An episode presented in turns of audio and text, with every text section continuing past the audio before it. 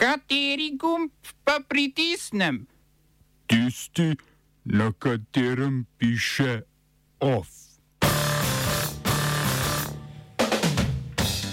Gvinejska vojaška hunta napovedala triletno tranzicijo do civilne oblasti. Iz Mariupolja evakuiranih prvih 100 civilistov. Francoska levica po slabih predsedniških volitvah skupaj na parlamentarne. Luka Mesec prejel zaupnico sveta stranke. V kulturnih novicah supervernakularni bienale oblikovanja.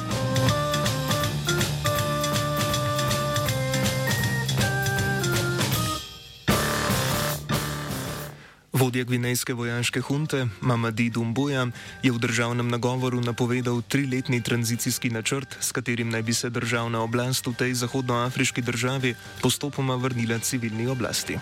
Dumbuja je na oblast prišel septembra lani, ko je uspešno izvedel vojaški udar in strmoglavil vlado predsednika Alfe Kondeja. Pred udarom so po državi potekali množični protesti proti vladi Alfe Kondeja zaradi njegovih posegov v ustavo, s katerimi si je predsednik obtožen korupcije in kršitve človekovih pravic omogočil tretji mandat. Po udaru je hunta napovedala formiranje nove vlade s civilnimi predstavniki v roku nekaj tednov, vendar obljub niso uresničili. Gvineja je že od novembra zaradi vojaške vlade deležna hudih gospodarskih sankcij Gospodarske unije zahodnoafriških držav. Gospodarska unija je od vodje hunte zahtevala, da mora do 25. aprila napovedati tranzicijski načrt za vrnitev civilne oblasti. Dumbuja je napovedal, da bo dokončno odločitev o tranzicijskem načrtu sprejel nacionalni prehodni svet, ki ga je tik po državnem udaru ustanovila vojaška hunta. 80-članski svet naj bi služil kot prehodni parlament, dokler se v državi ne bi vzpostavila civilna oblast.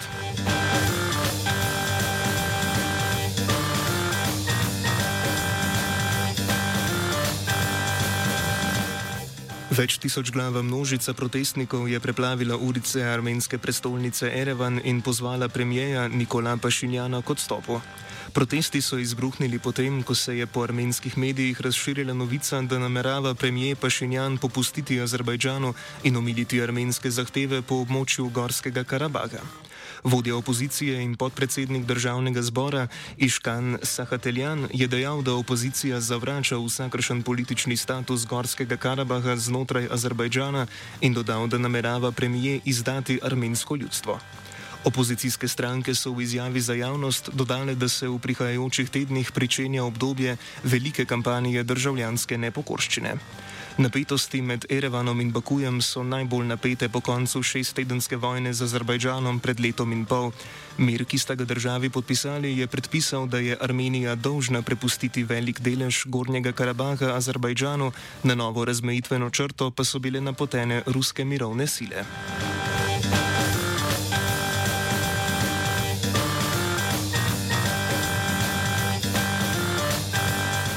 V sinočnjem televizijskem nagovoru je ukrajinski predsednik Volodimir Zelenski razglasil prvo uspešno evakuacijo 100 civilistov iz Mariupolske jeklarne Azovstal. Evakuacija je potekala v sodelovanju z Združenimi narodi in Rdečim križem.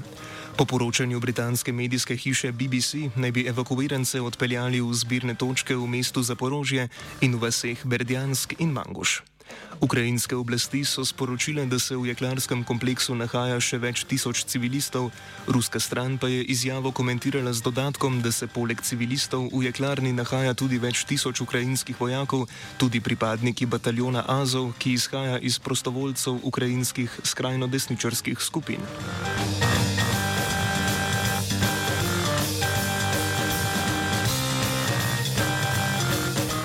Poleg evakuacije iz Mariupolja pa so ukrajinske oblasti v Donbasu sporočile, da so ruske enote v nedeljo nadaljevale s hudim obstreljevanjem Harkova in območja okoli mesta Donetsk. Do eksplozije je prišlo tudi na jugu Rusije v okolici Belgoroda, kjer naj bi ukrajinska vojska ponovno napadla rusko logistično oporišče, je dejal guverner Belgoroda Vjačeslav Gladkov. Požari v logističnih objektih ruske vojske v Rusiji so v zadnjih dveh tednih postali relativno pogosti. Do eksplozije je prišlo tudi v nekaj raziskovalnih centrih povezanih z rusko obrambno industrijo, tudi več sto km od ukrajinske meje, naprimer v mestih Voronež in Brijansk.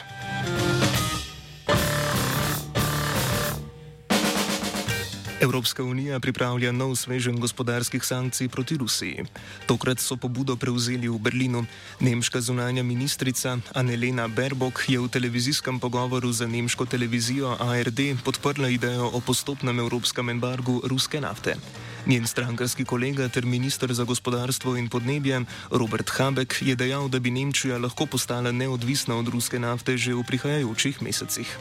Ministrstvo za gospodarstvo in podnebje je objavilo podatke, da je Nemčija do zdaj že zmanjšala delež ruske nafte v svojem uvozu z 35 na 12 odstotkov.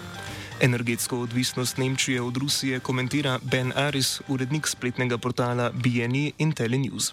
We're talking about embargoing oil this week, but the Germans have actually almost already done it. In so much as they went into this war, 35% of their oil needs were Russian.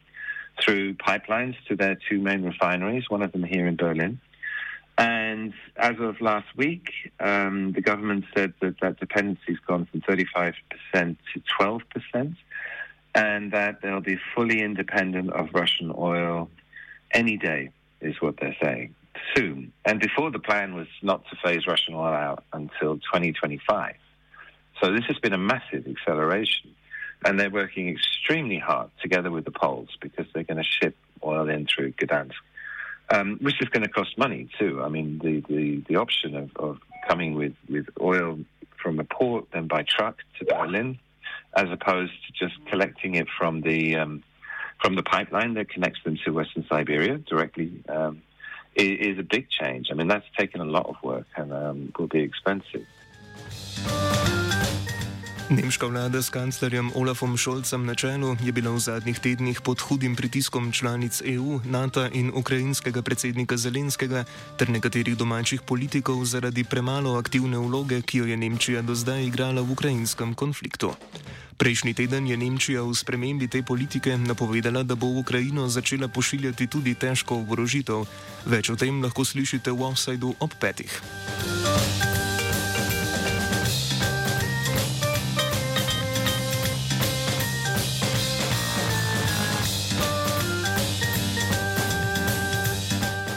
Selimo se v Francijo, kjer je stranka francoskega tretje uvrščenega predsedniškega kandidata Žona Luka Melenšona Francija osvobojena sklenila predvolilno zavezništvo s francoskimi zelenimi.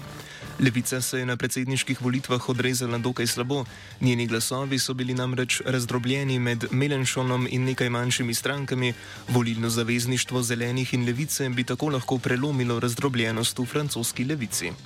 Melenšon je v prvem krogu predsedniških volitev za nekaj več kot odstotek zaostal za drugo uvrščeno Marine Le Pen.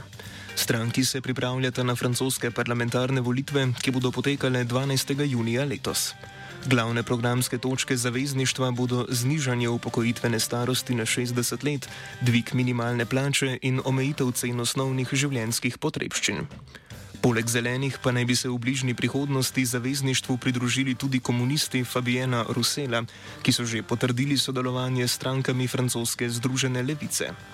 Skupna leva lista bi predsedniku Emanuelu Macronu lahko povzročila velike preglavice pri sprejemanju gospodarskih reform, vendar javnomnenjske raziskave zaenkrat še vedno napovedujejo ponovno zmago Macrona in njegove stranke naprej.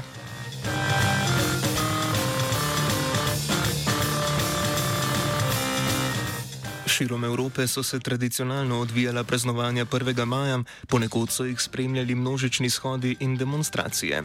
Na ulicah Pariza se je na sindikalni demonstraciji proti pokojninski reformi predsednika Emanuela Macrona, s katero želi starost upokojitve zvišati na 65 let, zbralo okoli 50 tisoč ljudi. Protest je kmalo zatem prešel v nasilen spopad s policijo, ki je nad protestnike krenila s vzivcem, vodnimi topovi in gumijevkami.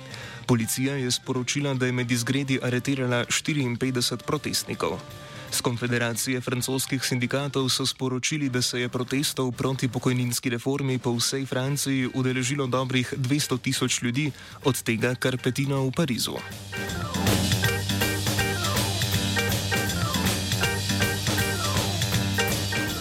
Protesti so potekali tudi v sosednji Nemčiji. V saškem mestu Cvikao je v neravno prvomajskem duhu potekal tudi shod skrajne desnice.